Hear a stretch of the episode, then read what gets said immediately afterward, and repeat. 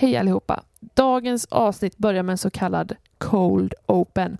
Eh, det var nämligen så att när vi satte oss för att spela in det här avsnittet så hade vi lite tekniska problem och ljudkvaliteten blev inte lysande. Eh, därför har vi bestämt oss för att eh, ta tillfället i akt och ställa de här frågorna som vi ställde oss i förra avsnittet om bikt till en faktisk präst. Så det kommer en intervju här med en präst om bikt. För den som ändå vill lyssna på det här vi spelade in eh, så kommer det efteråt med dålig ljudkvalitet men eh, ändå underhållande. Så eh, vi går direkt till intervjun. Eh, ja, eh, jag sitter alltså här med Peter Stenman, eller hur?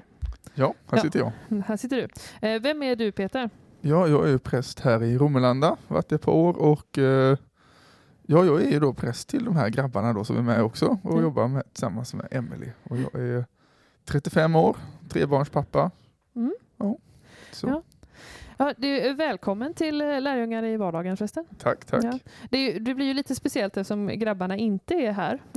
Nej, nej, det hade ju varit trevligt i och för sig, men det, det blir bra det här. Vi får, vi får ha med dig som gäst en annan gång kanske då vi får prata med oss allihop. Det skulle vara Eh, roligt. Ja, det hade varit roligt. Eh, Men vi har lite speciella frågor till dig Peter. För vi, Mm. I förra avsnittet så pratade vi lite i förbifarten om eh, bikt och kände att vi Mm. inte riktigt har eh, eh, rätt skor på fötterna så att säga för att vara de som eh, diskuterar detta. Utan vi kände att vi behöver ha in ett proffs och då tänkte vi på dig. Ja, det var, det var vänligt och hedrande. Ja, så jag har förstått och förberett lite frågor jag inte fått höra i förväg. Nej, precis.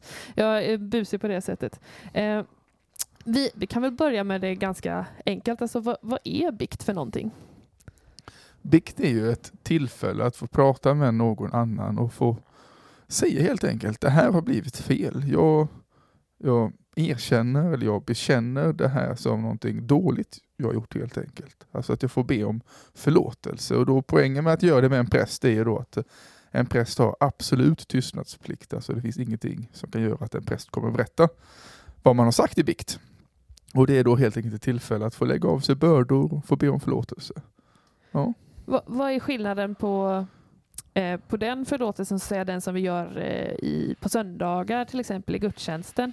Precis, i början på gudstjänsten här i Romelanda har vi alltid en, eh, en gemensam syndabekännelse där vi får stämma in i bekännelsen tillsammans muntligt. Eh, och så har vi ofta en tyst stund om man vill på något sätt i sitt hjärta säga någonting direkt till Gud. Och det tror jag är en väldigt bra vana eh, att ha i, i livet.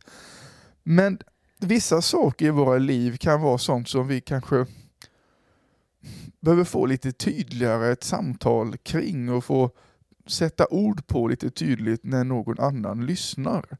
Både, så, både det att få sätta ord på det, men också det att få höra förlåtelsen konkret till just det och inte bara en förlåtelse i allmänhet. Mm. Eh, Det, det är någonting som har varit väldigt nyttigt eh, för många. Ja.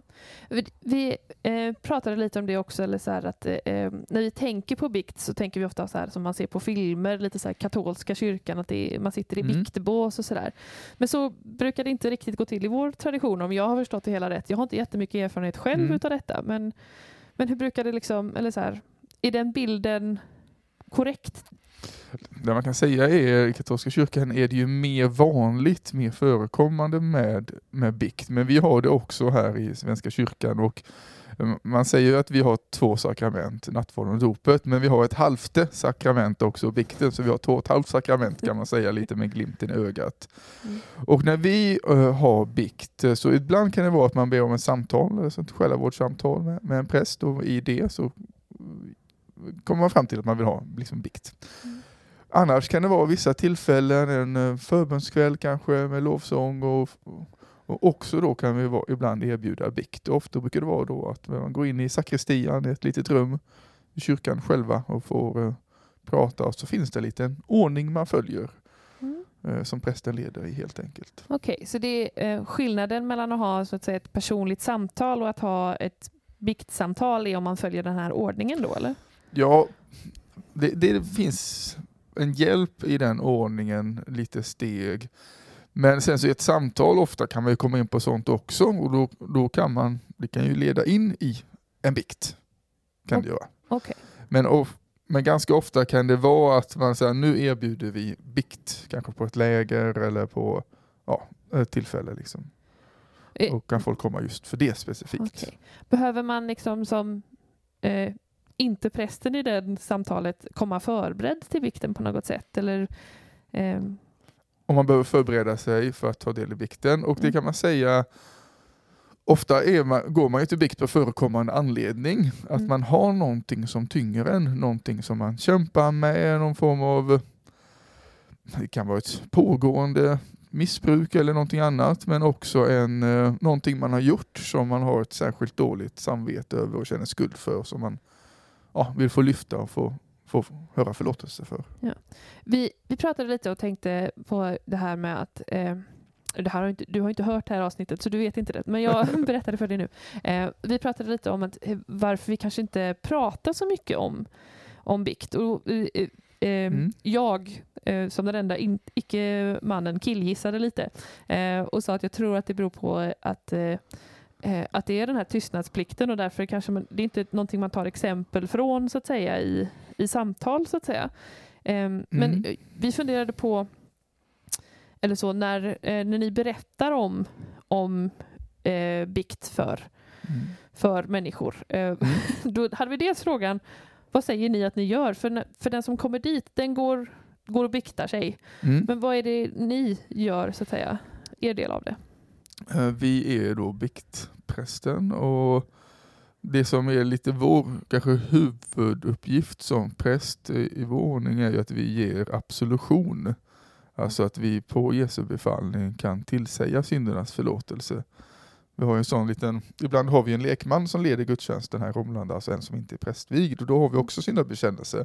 Men då säger inte eh, lekmannen eller kvinnan eh, dina synder är förlåtna utan det leder en bön som att när vi bekänner våra synder så är Jesus Mm. Kristus rättfärdig och förlåter oss våra synder och renar oss från all skuld. Så att det inte är samma konkreta tillsägelse. Så det, det är en del som är, som i vår ordning reserverat för, för prästen. Ja, ni har liksom det som uppdrag, typ. Ja, precis, det kan man säga. Ja. Eh, Det kan man säga. Och det vi brukar, eller, ja, det finns nog många anledningar till att bikt inte kanske är så talat om. Dels är det så, det är inte riktigt så att vi tar exempel från bikten i predikan, minst sagt. Det, det skulle ju aldrig hända. Nej. Men det är också för att bikten är ju någonting ja, men väldigt privat och personligt som sker eh, bara mellan två personer. Och det är på samma sätt, vi pratar inte jättemycket om själavårdssamtal heller. Men ganska ofta tycker jag nog vi bjuder in till det vid olika tillfällen. Ehm, så, och det vi brukar säga kring bikten, till exempel när vi har alfa-helgen brukar vi bjuda in till bikt.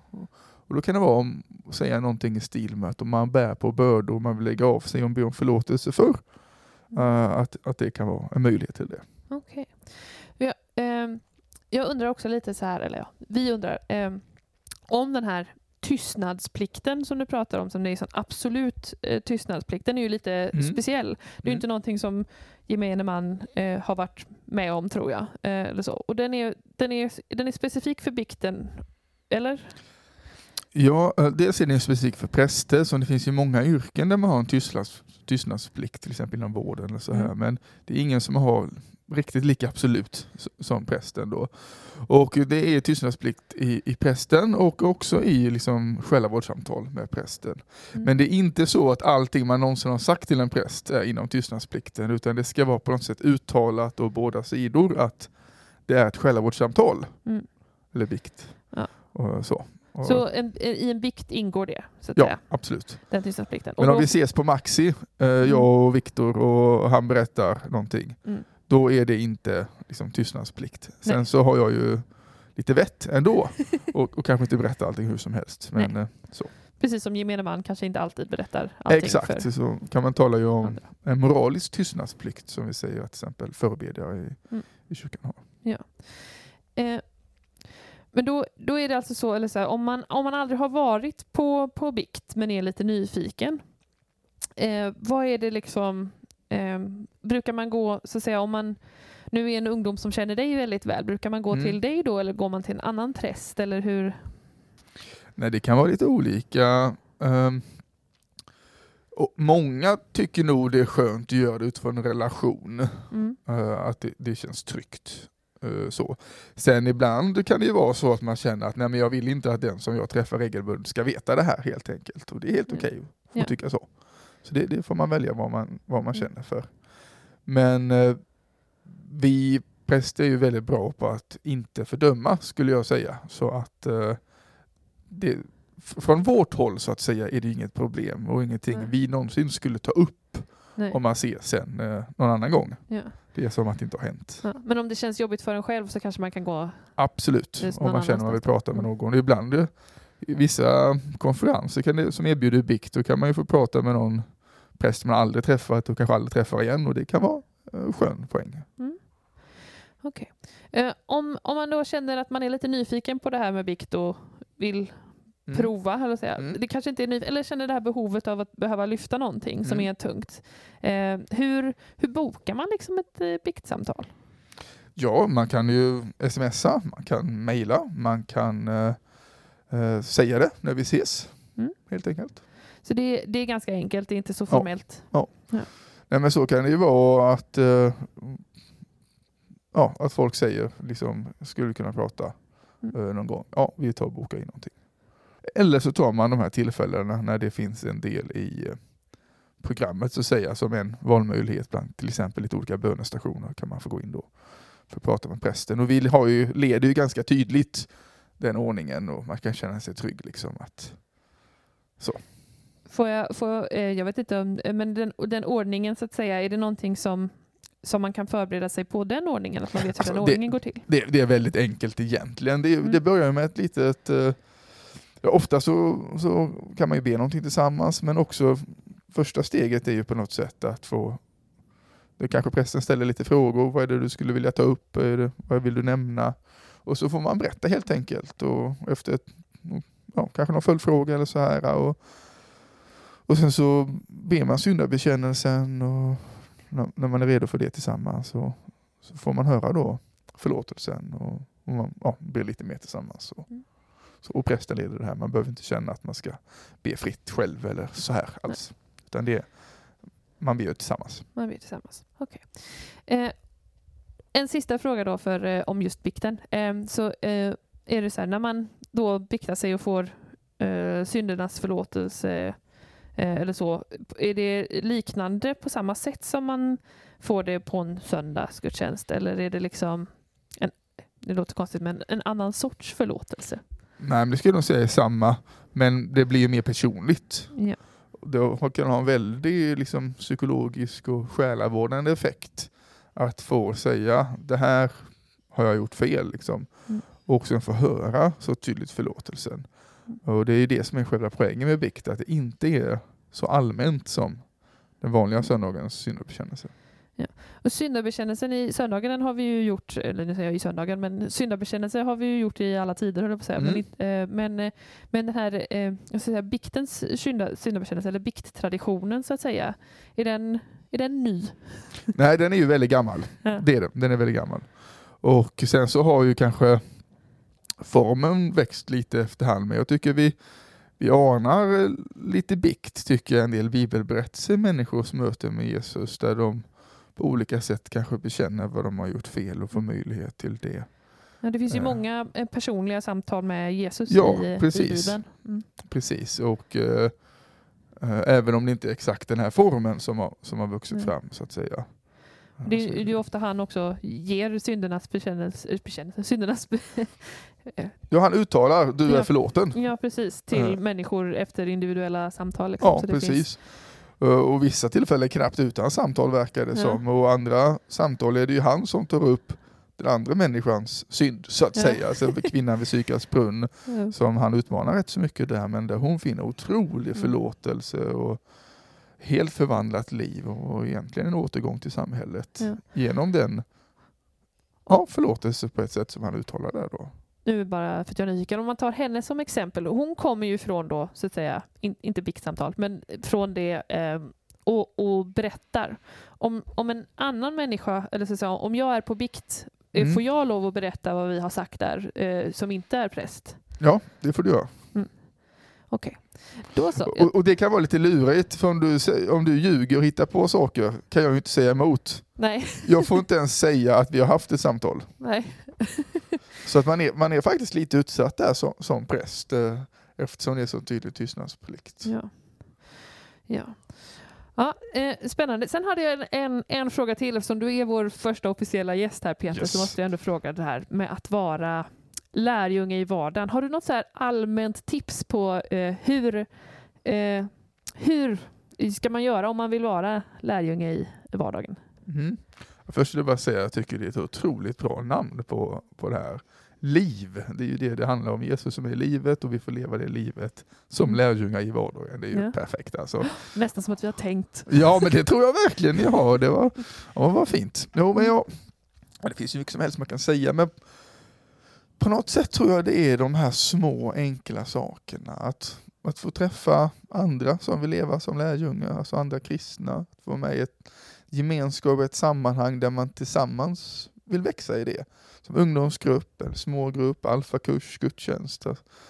Och försöka få det regelbundet. Men också att kanske på egen hand lite utforska Bibeln och bönen. Mm. Så både det tillsammans och själv uh, får in det som rytmer i ens liv. tror jag är otroligt eh, viktigt. Mm. Och, och, ja, Ja. det skulle nog säga först. ja, precis. Rytmen i, i vardagen med Gud är, Ja, innehåller andra människor och, och mycket annat sånt också. Liksom. ja, och det är, om man ska vara lite krass, så är det ju faktiskt en prioriteringsfråga i våra liv. Var ska vi lägga våra tid? Och eh, många av oss har ju väldigt mycket Ja. att göra helt enkelt. Men min upplevelse på något sätt är när jag prioriterar Gud så kommer allt annat lite på sin rätta plats också. Sök först Guds Rike, så rike. ska allt annat tillkomma dig. Ja, Ja, det är en sån eh, liksom, bra, och det var ju Mm. temat här eh, ganska nyligen också i kyrkan. Ju, att, ja. att det finns en välsignelse men också en utmaning då i att Mm. sätta Jesus först och få, Mm. få söka honom.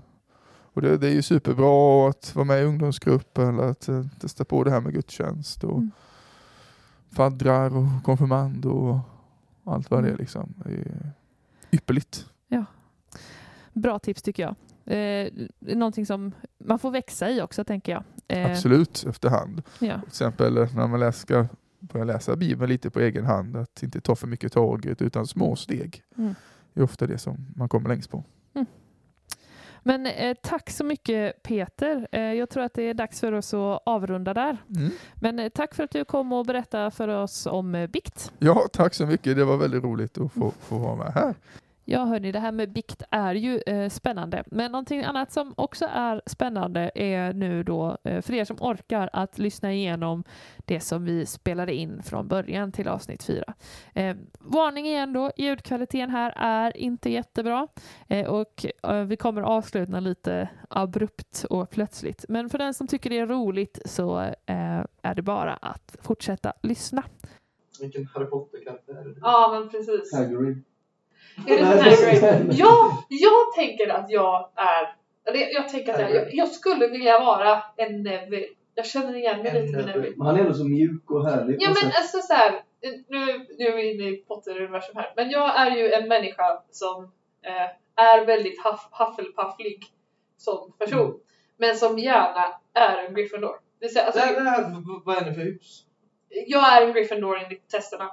Jag blev Hufflepuff. Mm. Eh, och jag tror att skulle man... Jag, jag köper har att du är testat. Nej. Eh, Anton, om vi ska, om, om, ska vi gissa på tre Viktor? Ja. Ett, två, tre. Slytherin. Nej. The dark side. Men det har, inget, det har med din ambition att göra. Jaha, okej. Ja, det är ju inte the dark side. Eh, naturligt. Jag, jag, för, jag, så här, jag tänker bara på Malfoy. Liksom. ja, ja. Det kan vara håret också Anton. Det kan vara. Nej, nej men du har, du har, alltså det finns ju folk som har Slytherin liksom, som är fantastiska också. Men det har lite med typ ambition driver mycket. Mm. Och du är en sån som drivs av, nu definierar vi det här, men du, du, Mm. du drivs lite av ambition skulle jag säga. Mm, mm. Så, Jag får göra det testet själv någon gång så får vi se. Ja, Jag- jag jag kommer Viktor som det är mat. Mat driver honom. Nej, jag vet inte vad det stod. sett. Nej men det är mycket Eller det bara var min gemenskap bror och... som sa att jag var Hufflepuff. Ja, du är Förlåt men det... det, det Apropå Harry jag. Potter, jag såg i Halvblodsprinsen en gång. ja, oh, Mm. oj, oj, oj. Femman är det? Det är sexan. Du tar dig igenom Jo, Eh. för Goblet Fire är... Fyran. kopplet. Ja, men Flammande bägaren. Ja, ja, Jag, vet, jag har tagit mig igenom hela serien. ja. ja okej. Så jag har bara två filmer kvar. Då är... Det var så länge sedan jag såg dem så jag om dem. Ja, det, det är okej. Men du är, du är definitivt Slytherin och du är definitivt Hufflepuff. Och jag, jag blir förvånad över att jag får Gryffindor när jag gör för att jag känner mig nog lite Hufflepuffig. Så du inte tvärtom för det? Vad sa du? Du har tvärtom för det? Nej, nej, nej, nej, men det är därför jag tänker att jag vill vara som Neville. Därför att Neville är typ, alltså som karaktär är han så mycket Hufflepuff en karaktär bara kan bli. Ändå är han i Gryffindor. Och det är för att Mm. han värdesätter modet väldigt högt. Han, för honom är det viktigt med mod. Eller så. Är, är Gryffindor mod, Ja, Slytherin ambition, ja. Ravenclaw Är kunskap typ. och, Och Hufflepuff är typ, alltså jag skulle säga gemenskap eller för lite Ja. såhär. Ja. Oh.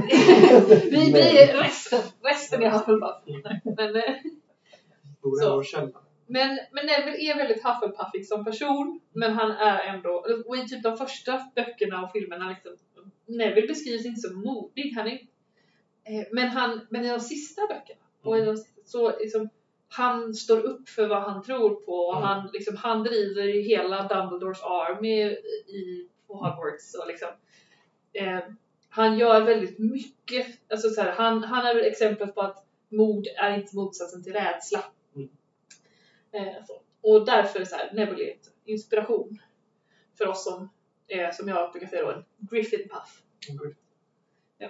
Men. Officiellt säger jag en, en Gryffindor då. Men jag säger Griffin Puff.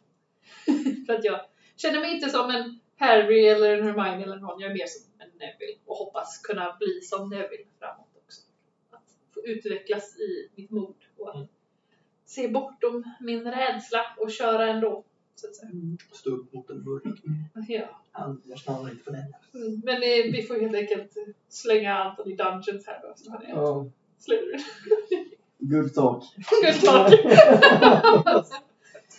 Nej, men det finns många, många coola människor som är Slytherin. Det är inte så Ja. konstigt. Malfoy är lite överdriven kanske. Ja, men han är också en bokkaraktär. Ja, Jag vill spoila den boken. Eller för, eller om bok. Jaha, av mig nu? Nej, Hugo. Ja, du behöver inte berätta då, för spoilar du kanske någon annan som inte har läst den. Ja, det är sant. Mm. Jag är bara supa. Ja. Jag spoilar boken. Eller den Ja. nyaste. Den, Den nyaste? The Cursed Child. Jaha, eh, men det är ju Ja, det- skitsamma. det finns ingen film som heter så. Nej, den- Nej, det är jag, är en, van, jag är van med film. Det är en Jag, pjäs. jag tänker att den slutar där vi... Men han bara, nej. Det Det är och det här och det här händer. Jag bara, Ja, ja. va? Det är ju om det är canon eller inte är en diskussion i sig. Ja, ja. Ja. Men, eh, men ja, Ja, jag blir super. ja, jag förstår det. Jag förstår det. Anyhow. Mm. Ja. Anywho. Sådana såna personlighetstest finns ju som inte är i Harry Potter. Liksom, Att man definierar sig själv för olika saker. Det Det har vi dock gjort. Ja. Då blev vi alla tre blev samma. Men vi gör detsamma på alla Fast tre. du hade din... Ja, ja, såna. Ja, det finns ju massor av sådana. Man har så här 16 personlighetstyper. Om man är introvert eller extrovert och sånt där. Det finns ju också, alltså, det finns ju, jag tycker sådana test kan vara bra för man kan få information om sig själv Mm. och få se sig själv ur någon annans perspektiv och sådär. Och kanske få ord för att beskriva, beskriva sig själv. Men att säga att jag är bara en Slytherin eller jag är bara en eh, förkämpe som var den jag fick då och som också fick. eller så. För vi är ju som personer då, till exempel så är vi då tre, tre olika Harry Potter-hus men har samma personlighetstyp. Mm. Så att de är inte eh, på något sätt, alltså en kategori beskriver ju inte en människa. Jag hör ju hur de funkar. Eh, och Anton är ju inte officiellt det är bara att vi tycker det. Han är det! Han är det. Han är det. Ja. Men men ja, vi, använder, vi använder de här personlighetstesterna för inom unga, unga ledare var det. Mm, Inom precis. hur vi skulle leda. Men det är lite för att få koll på hur vi är som ledare. Ja. Precis. Det var väl egentligen så vi gjorde testet för att få de här orden och uttrycken typ med hur vi fungerar och, och för också få förståelse för varandra. För vi hade ju också människor i vår grupp som inte har exakt samma personlighetstyp som vi har. Och att få liksom så här, ja det fungerar så här. Det måste jag tänka på när jag Ja. eller så här, för att, att som människor i vardagen så missförstår vi varandra hela tiden. Eh, för att vi har svårt att se världen ur något annat perspektiv än vårt eget. Och det var väl ett sätt för oss att kanske försöka förstå oss på varandras perspektiv. Ja. Eh, Så jag gjorde något sånt test någon gång. Men annars är det spännande tycker jag om man tar till exempel om vi pratar om just ledare eller så, när vi gjorde det i Unga ledargruppen, så har vi ju eh, det finns ju många olika ledarstilar. Mm. Alltså olika sorters ledare och olika sätt man är ledare på. Det finns ju lika många som det finns människor skulle jag säga. Alla har ju sina egna. Mm. Mm. Alltså skulle, och skulle jag och Viktor få samma uppdrag, då skulle vi, alltså så här, du ska leda den här gruppen från punkt A till punkt B. Då hade vi gjort väldigt annorlunda, Mm. tror jag. Mm. Eh, och jag säger inte att eh, någon sätt är bättre. Nej. Nej, vi hade gjort väldigt annorlunda och det beror ju också på dels på hur vi är som ledare men också på vad vi skulle fått för grupp med oss och, eh, och hur vi klickar med dem och så här, Mm. vilka delar utav ens egna ledaregenskaper man använder i vilken grupp och sådär. Mm. Men vi pratar ju lite om ledarskap och sådär när vi gör fadderskola och Mm. Ja, och sådär. Eh, och det finns ju massa, massa, massa olika eh, ledartyper eller vad man ska säga. Eh, har vi också någon gång pratat om någon typ som ni känner att det här, det här är min stil eller så, så här gör jag. Liksom. Det här trivs jag bäst i. Improvisation. Ja. Kommer på en plats liksom. Mm. Men du är ju väldigt stark i det Viktor. Slippa planera. Nej, nej, jag tror att, jag, där tror jag faktiskt, där tror jag det är någonting du inbillar dig. Att du tänker att det här är någonting jag slipper planera.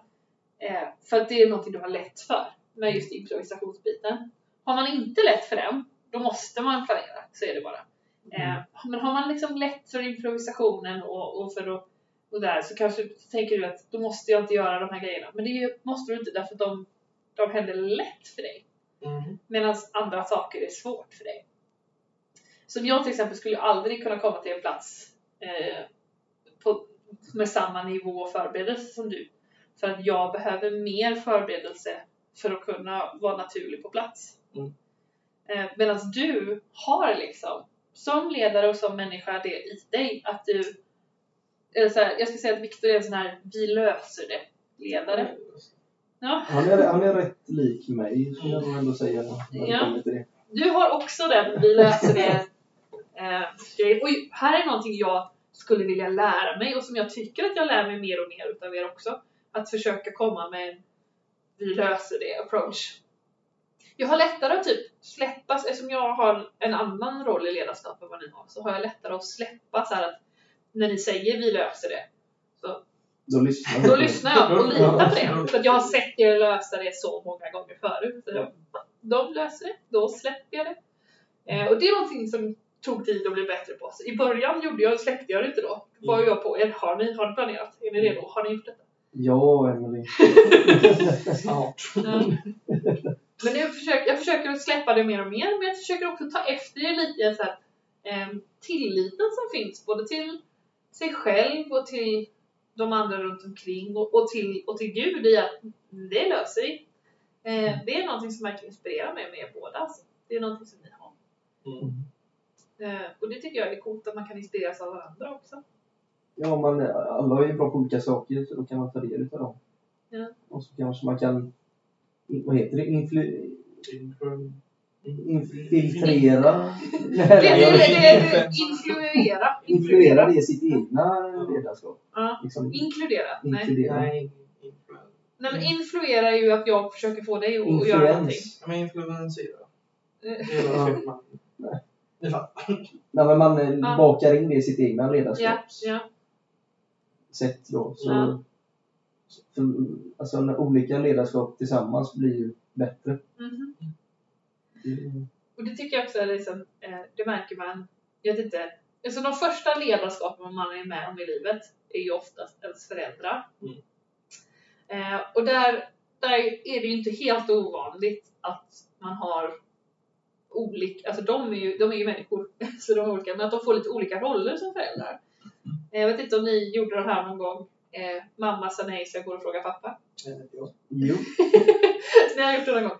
Eh, Och den kommer ju liksom ofta från att man får en sån här att, att de har lite olika roller liksom. Så man har den stränge eller den som säger ja eller sådär. Det kan vara lite Mm. olika. Eh, Men att man, man kan få de rollerna eh, med sig därifrån också. Men att det, det är liksom att man kan få med sig olika saker från olika ledare. För att om jag inte hade stabiliteten från den ena föräldern och inte hade eh, lek och bus från den andra så hade det blivit tomt. Jag har behövt båda liksom. Är ni med på vad jag menar? Mm, mm. Eh, och att det är liksom Ja, just det där att att få olika saker från olika ledare som, som en följare. Mm. Men även sen när man är i sitt eget ledarskap. Eh, alla föräldrar har ju sina egna föräldrar. Är ni med mig nu? Ja, Din, din, din mamma, Viktor, Ja. har en mamma och en pappa. visste du inte det? Nej. Mm. Men nu vet du det. Nu vet du det, då har du lärt dig. Eh, och sen, de har ju tagit med sig saker därifrån, från sin uppväxt som de tog med in i din uppväxt och så vidare. Eh, och om du någon gång blir förälder, Viktor, så tar du kanske så här, åh det här gjorde mina föräldrar bra, det här tar jag med mig och det här funkade inte riktigt, så då gör jag någonting annorlunda. Eh, och så, så tror jag det funkar i fadderskap eller sådana ledarskap också. Att man, liksom, man ser vad andra ledare gör, tar med sig det som är bra och förändrar det som man tyckte att det här funkar inte riktigt. Det var Till barnen, till, till, till, till om man själv leder. var Till barn. det var Jag tror energinivån idag är lite låg. Men det är okej. Ja. Viktor, vad skulle du säga att du har för ledarskapsstil? Förutom att du tar allting sen. Jag vet inte. Alltså menar du? Alltså, Vad är du bra på? Hur tänker du när du ska leda konfirmander? Eller andra i vardagen i skolan? Eller? Ja, men typ, alltså typ försöka inkludera de flesta. Mm. Jag försöker få med alla och se vad de tycker och vill. Um, sen kanske det är svårt om man leder som fadder och bara nu ska vi göra det här så nu kanske, kanske vi kan göra det här. Men uh, typ att få allas åsikter och se vad alla, alla ska bli nöjda. Mm. Mm. Du är en sån diplomatisk ledare. Liksom. Du tar in, tar in allas åsikter och så... Jag försöker. i alla fall. Mm. Du kan inte. Jo, men eh, jag är ju väldigt så här, jag skulle säga att jag är ganska avslappnad.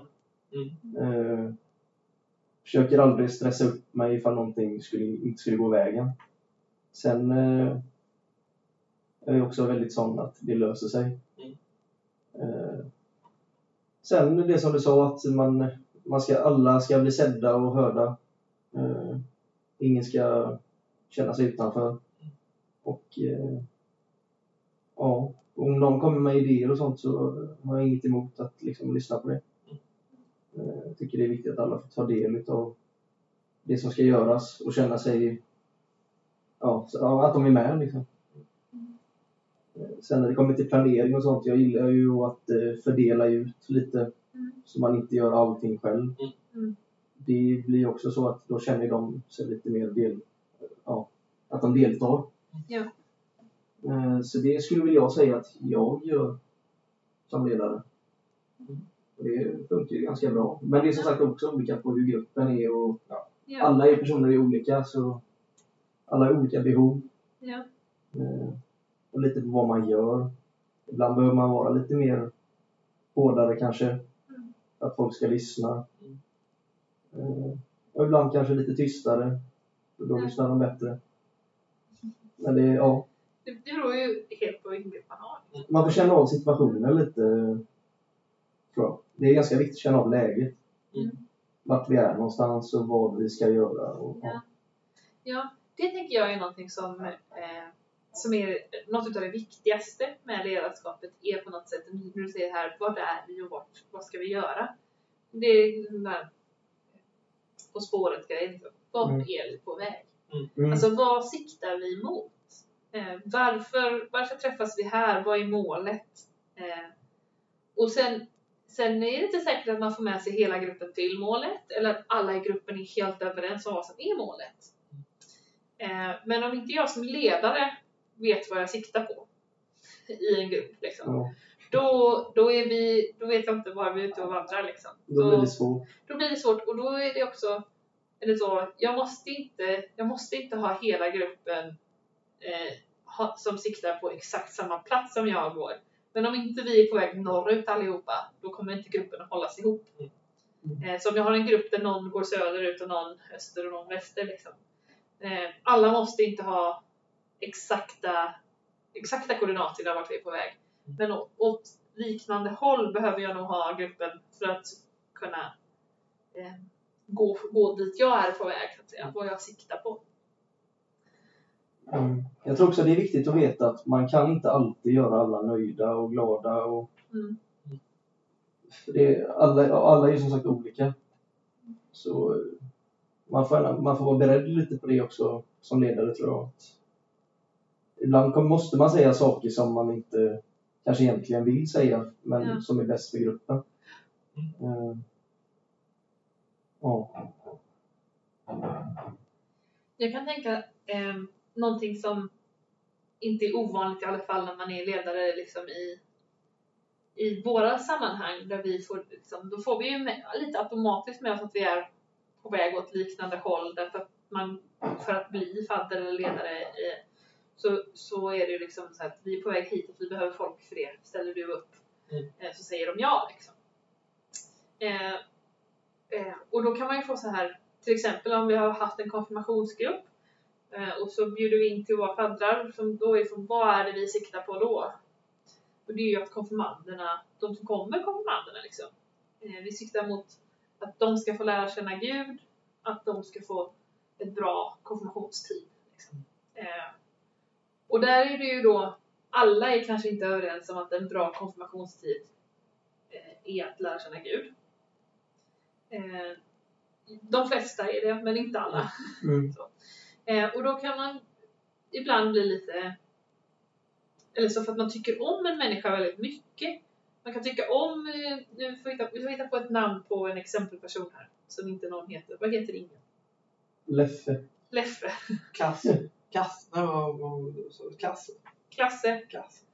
Ja. Klasen. Klase. Ja, jag, jag, vi säger Leffe. Leffe. Leffe. Nej men, eh, alltså Leff, Leffe kanske tycker att det är gött att hänga eh, och vill gärna umgås med sina kompisar. Och det är Leffes mål. Eh, och det, är- det är ju liksom, det är inte ovanligt att vi har, att det kommer så i vår faddergrupp. Liksom, att det är framförallt därför man är där. Men vi brukar ju vara ganska så tydliga med ganska tidigt att vårt mål som grupp är att konfirmanderna ska få lära känna Gud. Eh, för att både varna Leffe att det här är det vi siktar mot och om du inte är villig att gå åt det hållet eh, så kommer du inte att, att gå med den här gruppen. för då, då, det är dit gruppen går. Liksom. Mm. Eh, men då kan man ju så här, det, jag tänker att det är viktigt som ledare att inte så här, men jag tycker så mycket om Leif så jag följer med, nu sa jag Leif, Leffe. Mm. Jag tycker så mycket om Leffe så jag följer efter var han går. Mm. Istället för att så här, vad är, vart är vi på väg? Och så om Leffe väljer att gå en annan väg så är det okej. Eh, så Han får välja vad han vill men han kan komma tillbaka till oss sen. Eller så där. Men att, att vi, att hålla målet både uttalat i gruppen, tänker jag är viktigt. Men också eh, påminna sig själv om vad gör vi? Varför gör vi det? Varför gör vi det vi gör? Var är vi på väg någonstans? Eh, Gör det lättare att, att gå och så. där. Om man hör att det borrar nu så är det för att vi är i Antons lägenhet. Mm, började regna. Det Nej. Ja, de borrar på fasaden. det är inte helt färdigbyggt. Nej. Men det är bara lite myspys. Det är så är det. Ja. Eh, jag vet, vi vet inte ens om detta kommer upp i micken nu, men vi hör det i alla fall. Ja. Ja. De har ett gemensamt mål också, de som bygger. ja, de ska bli färdiga. De ska, jo, fast är målet att de ska bli färdiga? så blir kanske inte huset lika bra om, Nej. som om målet är Det här ska, ritningen. det här ska se snyggt ut. Du ska leverera dina klass. Ja. Men det kan om man ska, då har vi den här, eh, då har vi Leffe och så har vi, vad var det andra namnet du sa? Klase. Kla. Klaus. Klaus. Klaus och Leffe eh, bygger på samma lägenhet. Eh, båda har som mål att den ska ha klass. Eh, och den ena bygger en lägenhet i så här art deco-style och den andra bygger i, i eh, så här 1500-tals rokoko. Tror ni det blir ett bra resultat? Nej. När man samarbetar. När man mixar det. Jag, tänk, jag tänker att det har potential att det kan vara bra om de byter mål. Så, är du med mig? Mm. Istället för att det ska vara klass eller så. Eh, för det kan de definiera olika. Ha väldigt så här.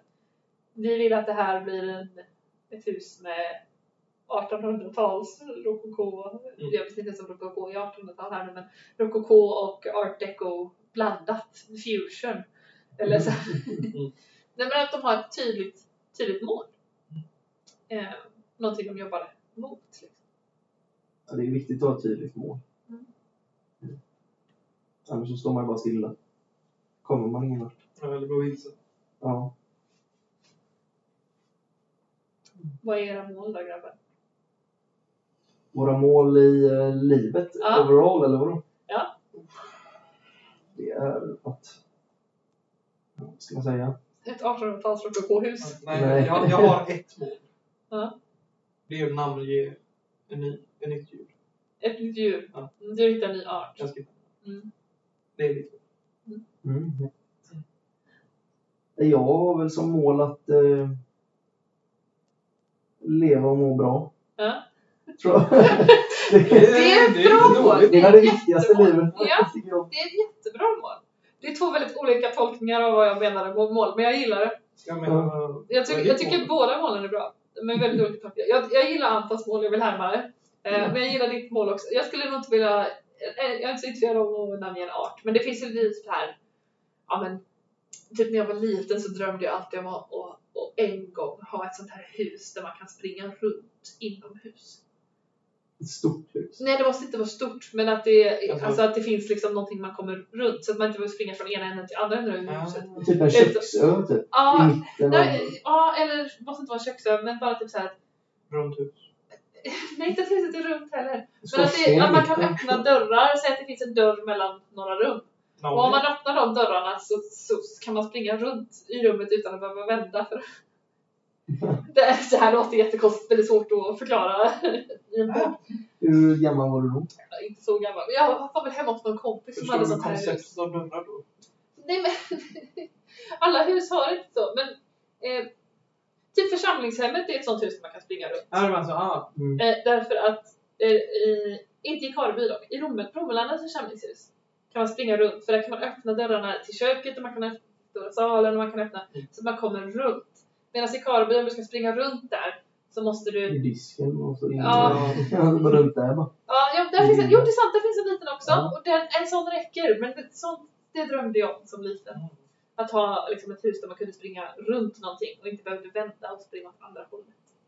Men, eh, men i slutändan så är det ändå att få leva med Gud eh, i evigheten känns som ett bra Mm.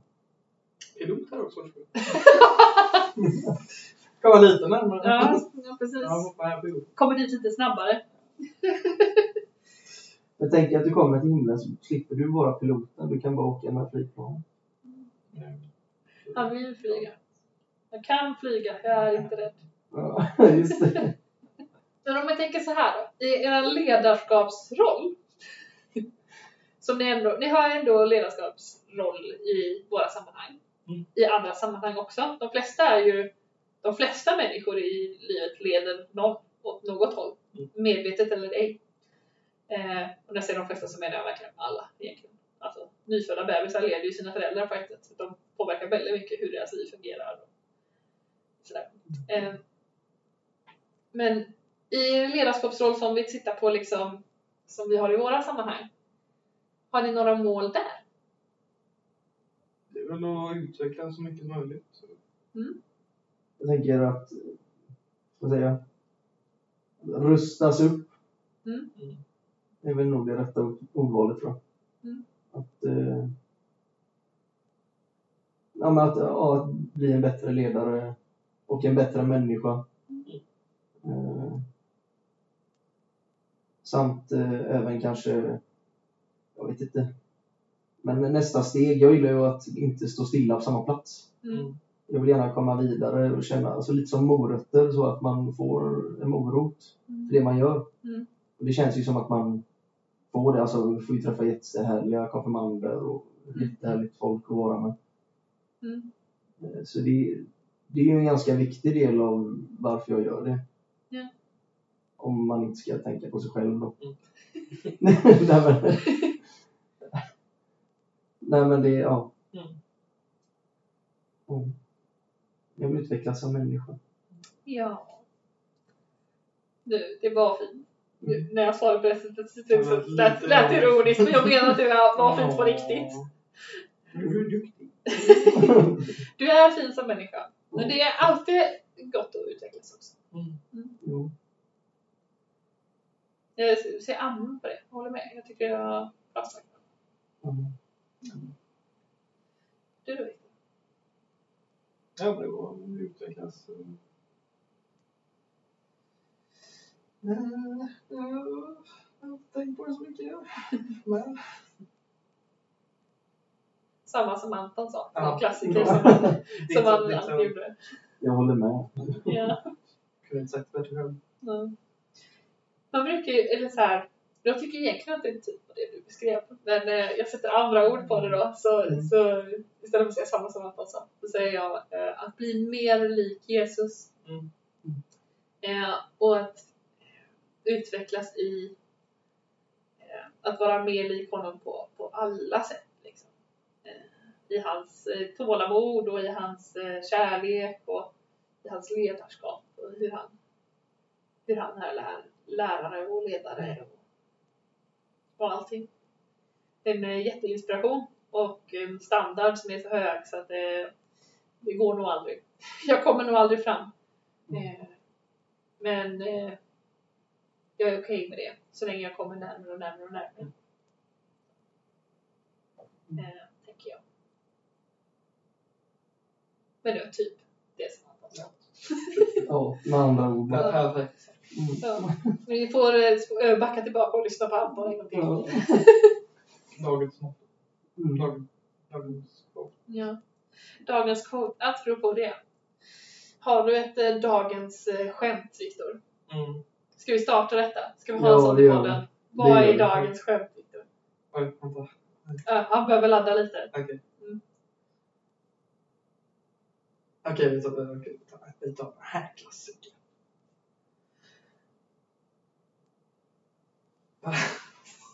Det var bra. Det var bra. Det, det där är Viktor. Varför, varför kan man inte skeppa kor till England? Men varför kan man inte skeppa kor till England? Skeppa ko. Ja. Det blir kaos.